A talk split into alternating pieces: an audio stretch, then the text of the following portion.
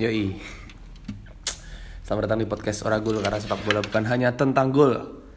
Kembali lagi bersama saya Rayhan Falkin Majid In the house yo. Jadi hari ini kita akan membahas Pertandingan uh, Dua pertandingan awal Di babak delapan besar Piala Dunia Qatar 2022 Dan uh, saat ini Oragol Daily sudah memasuki episode ke-20 dan kita akan memulai pembahasan dari pertandingan pertama di babak 8 besar antara Brazil melawan Kroasia.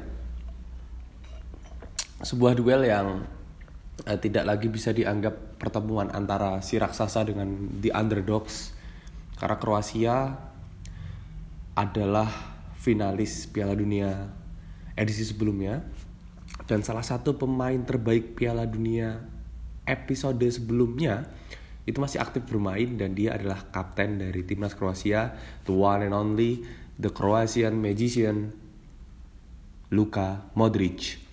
Ya, uh, satu-satunya hal yang bisa saya gambarkan dari pertandingan uh, semalam sebelum jauh kita menyelami pertandingannya adalah kehadiran sosok Luka Modric. Itu adalah pembeda yang sangat kontras di lini tengah antara kedua tim gitu.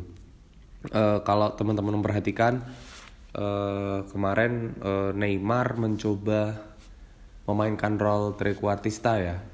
Itu saya dapatkan diksi dan pengetahuannya dari kapten kita Faris. Jadi saya melihat Neymar uh, menjadi semacam opsi terbaik yang dimiliki oleh Tite yang harapannya bisa memainkan role trequartista tadi yang di tahun-tahun sebelumnya di Brazil kita uh, familiar dengan nama Ricardo Kakak yang mengisi posisi itu. Uh, mengalirkan bola mengalirkan bola uh, membuka ruang dan aktif seperti itu ya. Dan uh, Neymar terlihat uh, apa ya kikuk rasa-rasanya semalam. Karena beberapa kali bola-bola yang seharusnya mungkin bisa dialirkan lebih cepat justru uh, ya Neymar punya tipikal dribble ya pendribble bola ya dan uh, untuk role itu saya rasa sekalipun kamu seorang dribbler ya perlu uh, apa perhitungan yang matang karena pergerakan pemain yang ada di depan jelas menunggu bola untuk disodorkan. Nah, kekosongan posisi itu yang kemudian secara apa ya, secara dadakan mungkin bahasanya mungkin yang pas ya, diisi oleh Neymar membuat ya kondisi Brazil terasa memaksakan gitu dan nggak tahu teman-teman yang nonton lain gimana ya tapi aku ngelihatnya Brazil terlihat tidak cukup lepas gitu kayak pertandingan pas lawan Korea Selatan kemarin. Ini nggak tahu ya ini perkara lawannya yang meningkat kualitasnya atau emang sebetulnya Brazil under pressure aja gitu. Karena saya melihat Kroasia adalah sekumpulan mas-mas biasa aja gitu paham nggak maksudnya? Jadi ada mas-mas biasa aja yang berasal dari berbagai macam klub bersatu di satu tempat gitu ya. Mereka adalah orang-orang yang penuh skeptis penuh tanda tanya menolak kemapanan mereka mempertanyakan banyak hal. Kemudian mereka juga maunya to the point aja tidak mau basa-basi. Mereka tahu apa yang mereka lakukan dan mereka tahu bagaimana cara mencapainya. Sehingga selama kurang lebih 120 menit di waktu normal mereka melakukan kerja-kerja yang memang itu sudah di planning sejak awal dan sesuai dengan tupoksi orangnya gitu yang memang mereka ahli di bidang-bidang itu. Kemudian mas-mas biasa aja ini yang saya maksud adalah ya mereka adalah pemain-pemain yang out of pressure gitu tanpa pressure dan low highlight gitu exposure-nya rendah rendah. Ya sekalipun ada Luka Modric ya. Uh, kapan sih Modric itu bener-bener punya exposure dari media yang betul-betul luar biasa gitu. Kapan? Uh, dia leading Real Madrid menjuarai uh, Liga Champions uh, berturut-turut. Ya biasa aja tetap dia meraih Ballon d'Or. Ya udah selamat. Terus udah. Dia kemudian jadi pemain terbaik Piala Dunia. Selesai gitu ya. Apa pun ceritanya Modric akan kembali jadi mas-mas biasa lagi dengan segudang prestasi yang ya orang nggak perlu tanya sebetulnya Lalu siapa lagi? Ivan Perisic. Ya kita tahu kualitas dia. Bagaimana dia uh, bermain di sayap, lalu kemudian efektivitasnya, dia juga cukup klinis di depan gawang, uh, punya uh, segudang trofi. Cuman ya siapa yang memperhatikan Ivan Perisic gitu? Terus kemudian siapa lagi? uh, Andrei Kramaric misalnya atau Mario Pasalic kemudian di back ada uh, Josko Gvardiol dan juga Dejan Lovren itu orang-orang yang keren luar biasa menguasai bidangnya uh, apa ya aku melihat mereka adalah orang-orang yang cepat menyerap taktik gitu. Aku nggak bilang Brazil kemudian nggak cepat menyerap taktik ya, tapi Kroasia mampu cepat beradaptasi dengan siapa yang dihadapi itu yang membuat dia jadi beda.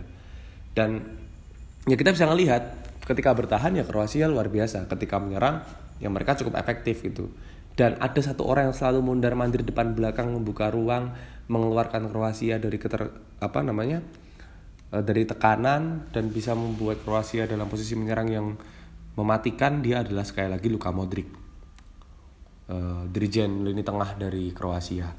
Dan akhirnya uh, gol Neymar di menit 105 yang sudah bisa dianggap seperti gol kemenangan ternyata harus pupus oleh balasan dari Petkovic ya. Dan ya udah laga berlanjut ke babak adu penalti. Sayang sekali Rodrigo Gos uh, selaku apa namanya eksekutor dari Brazil nggak cukup mampu gitu untuk menepis tendangan dari eh menepis tendangan memasukkan bola ke gawang uh, Kroasia ya itu gimana ya maksudnya ini sesuatu yang sebetulnya si Malakama sih kalau Rodrigo Gus mencetak gol ya itu tugas dia gitu dan pasti dia mendapatkan uh, praise yang cukup tinggi dapat sanjungan yang besar gitu. Tapi di lain sisi kalau dia gagal ya dia punya kemungkinan bernasib seperti uh, siapa ya? Uh, si siapa namanya? Marcus Rashford kemudian ada Bukayo Saka yang ada Jadon Sancho tentu, tentu saja ya pas kemarin di Euro mereka gagal mengeksekusi penalti. Terus tahu sendiri bagaimana publik memberikan uh, tekanan yang luar biasa kepada pemain-pemain uh, itu. Nah selain itu juga per permainan Livakovic selaku kiper dari Kroasia juga luar biasa banget. Dia melakukan save yang nantinya akan mengantarkan Kroasia lolos ke semifinal. Dua kali berturut-turut di dua edisi yang berbeda. Dan ini membuat squad samba dancing ini selesai gitu mereka harus pulang lebih awal dan cukup menyakitkan ya karena banyak pihak banyak pandit banyak orang yang ia menganggap Brazil akan jadi finalis setidaknya gitu. Tapi ya banyak juga yang apa ya menyangkut pautkan kekalahan Brazil dengan hal-hal di luar lapangan yang ya nggak bisa kita katakan konyol sih tapi maksudnya ya ini serba-serbi aja. Kayak misalnya ada official Brazil kemarin waktu press conference sama Vinicius Junior dia ngelempar kucing terus dianggap oleh cat lover seluruh dunia sebagai penistaan terhadap kucing terus ya mereka didoakan yang jelek-jelek termasuk ya akan kalah. Ya nyatanya mereka kalah. Kemudian juga sebetulnya kemarin uh, timnas Brazil ini cukup mendapatkan banyak kritikan dari Roy Keane legendanya MU yang mengkritik mereka terlalu banyak menari berdansa gitu. Ya oke okay, itu identitas mereka. Tapi bagi Kane ya lawan Korea Selatan kamu udah nyekor 4 gol dan di setiap satu gol selebrasinya adalah tarian-tarian 1 sampai 2 menit. Bahkan pelatih mereka Tite ikut dalam tarian itu menurut Kane ya aneh gitu. Dan keterlaluan gitu. Dan ya udah uh, jadi banyak bahan olok-olokan. Kita bisa melihat banyak meme dari tarian burung bersama Tite itu kemudian di kayak sekumpulan burung yang dikasih makan sama Luka Modric gitu. Ya akhirnya jadi troll buat Brazil gitu ya. Tapi ya at the end of the day congratulations untuk Kroasia lolos ke semifinal menghadapi Argentina nantinya. Karena di pertandingan yang lain Argentina berhasil mengalahkan ini salah satu musuh yang sering dihadapi Argentina ya di pertandingan internasional yaitu Belanda. Setelah bermain di waktu normal plus tambahan waktu apa namanya imbang gitu akhirnya pertandingan harus ditentukan lewat babak adu penalti. Sesuatu yang apa ya tipikal ya karena similar sorry uh, mirip sama kayak kejadian di 2014 di mana uh, Belanda juga berhasil disingkirkan oleh Argentina dengan skenario yang hampir sama uh, yaitu adu penalti gitu. Di babak uh, normal di waktu normal sejatinya Argentina telah unggul 2-0 lewat gol Molina dan Leo Messi. Tapi secara mengejutkan nah ini terlepas dari Belanda pulang aku sebetulnya jagoin Belanda sih cuman ya gimana ya?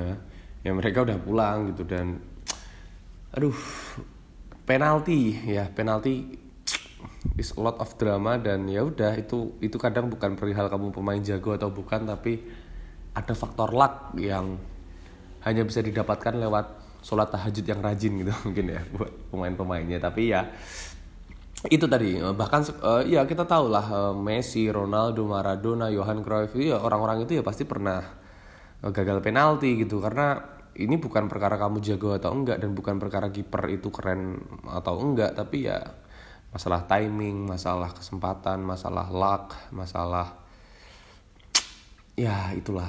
Ada hal-hal yang nggak bisa dijelaskan juga di sepak bola. Tapi eh, tadi aku mau bilang Belanda luar biasa karena mereka sempat menyamakan kedudukan di menit-menit akhir ya yaitu lewat Woodwick Horse dua golnya berhasil memperpanjang nafas Belanda setidaknya tidak berhenti di waktu normal tapi lanjut sampai akhirnya nanti ke adu penalti tadi. Nah yang menarik adalah ini pertandingan ini dijuluki sebagai the Battle of Lusail. Jadi kalau teman-teman pernah ingat waktu Euro kalau nggak salah Belanda juga itu pernah ketemu sama Portugal dan pertandingan itu disebut atau ditajuk sebagai the Battle of apa gitu karena di pertandingan itu mereka juga berantem mulu akhirnya banyak pemain yang di kartu kuning dan kartu merah. Nah lagi-lagi Belanda emang Belanda ini suka ribut gitu. Ini anjing anjing maksudnya Belanda ini ya terlepas dari udah bertahun-tahun setelah masa-masa kolonialisme mereka masih punya watak itu tukang ribut gitu. Iya nggak sih? Maksudnya mereka jajah kita ya kan mereka perang oke perang perang perang. Pokoknya perang semuanya diperangin. Mulai dari masuk pertama VOC sampai kemudian kolonialisme itu sendiri. Nanti mereka udah cabut Jepang udah cabut e, merdeka masih agresi militer pertama. Itu belum selesai masih agresi militer kedua. Sampai sekarang juga dia belum mengakui secara de hure ya Ya, secara de jure mungkin ya. Secara de facto dia mengakui Indonesia merdeka 17 eh, Agustus 1945. Tapi secara de jure mereka nggak mengakui itu. Nah, karena kalau mereka mengakui itu ya pasti mereka akan uh, didakwa bersalah atas dua kali agresi yang mereka lakukan. Intinya mereka ini tukang ribut gitu coy. Suka ribut dan tadi malam pas lawan Argentina sama. Meskipun uh, ya uh, penyebab keributan semalam bukan dipicu dari pihak Belanda ya. Mungkin Belandanya lagi capek nggak mau perang nggak mau berantem gitu ya. Lagi lagi mau ya udahlah enjoy the moment. Tiba-tiba Argentina yang terkenal juga diisi oleh bodyguard bodyguard Messi ini ternyata out, out out from nowhere itu tiba-tiba kena dang bola ke si Molina ya. Eh si Leo Paredes atau Molina aku lupa.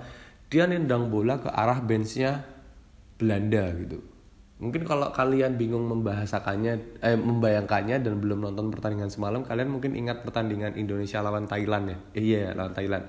Waktu uh, Abdullah Taluhu uh, nendang bola ke bench Thailand, terus kemudian terjadi keributan gitu. Ya kayak gitulah kurang lebih. Nah langsunglah di situ terjadi mass brawl.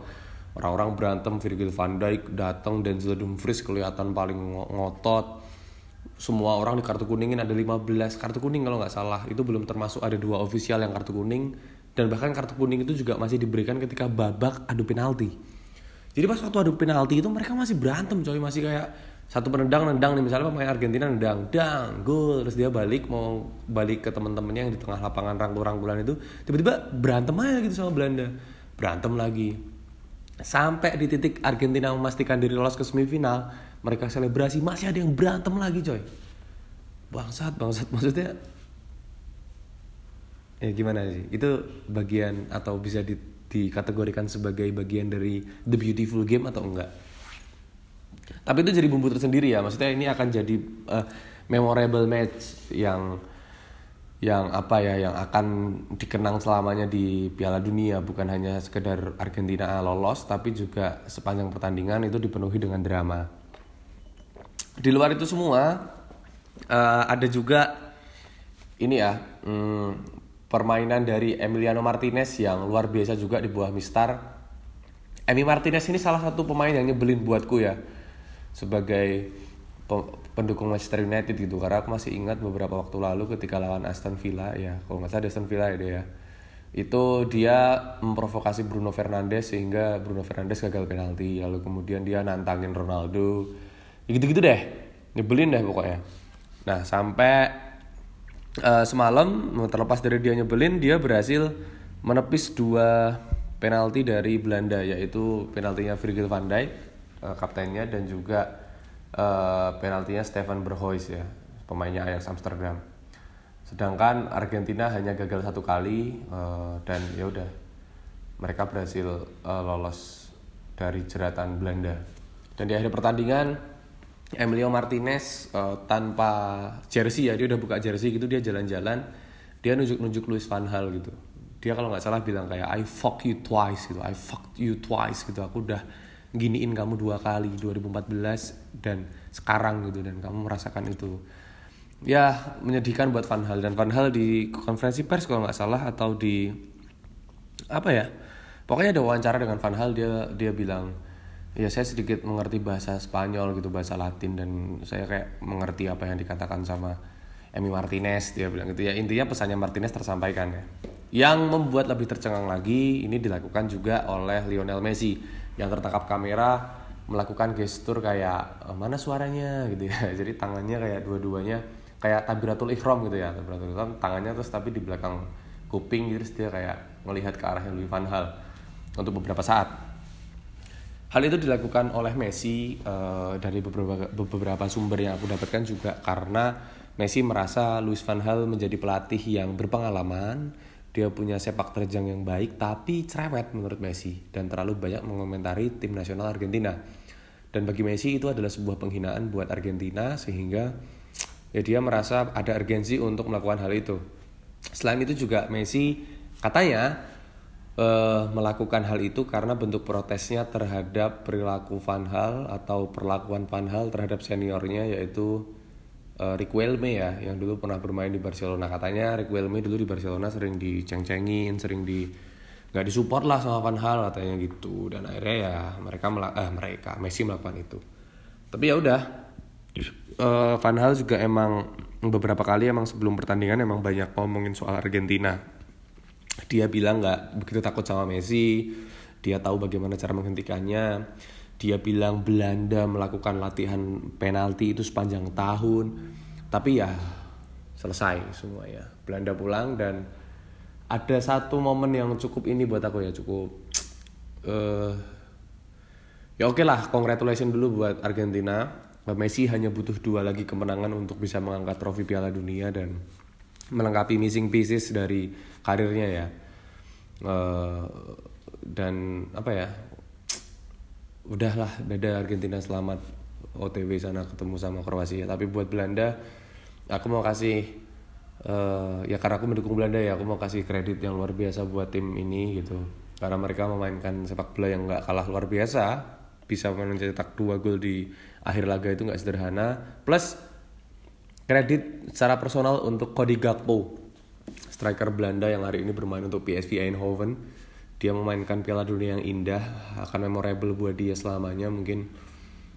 Dan dia adalah salah satu potensi dan komoditas paling panas di bursa transfer ke depan gitu. Dan banyak tim yang sudah memonitor termasuk Manchester fucking United dan aku berharap MU bisa segera mengamankan tanda tangan Cody Gakpo untuk menggantikan posisi Cristiano Ronaldo yang beberapa waktu lalu ketika memulai Piala Dunia dia memutuskan untuk caps dari United. Jadi mungkin itu aja sih uh, untuk highlight pertandingan kemarin. Congratulations sekali lagi buat Kroasia dan Argentina. Mereka akan bertemu di semifinal dan nanti malam akan ada pertandingan antara England uh, melawan mana hayo Prancis. Dan nanti juga ada pertandingan Maroko Wah, ini di Maghrib. Alhamdulillah melawan uh, Portugal yang nanti bakal jadi bagian Faris untuk mengulas uh, bagian ini gitu. Jadi siapa jagoanmu? Uh, kalau aku sih jagoinnya Inggris dan Maroko lolos sih. Tapi ya let's see. Oke, okay? itu aja. Terima kasih telah mendengarkan uh, Ora. Karena sepak bola bukan hanya tentang gol dan sampai jumpa. Dadah.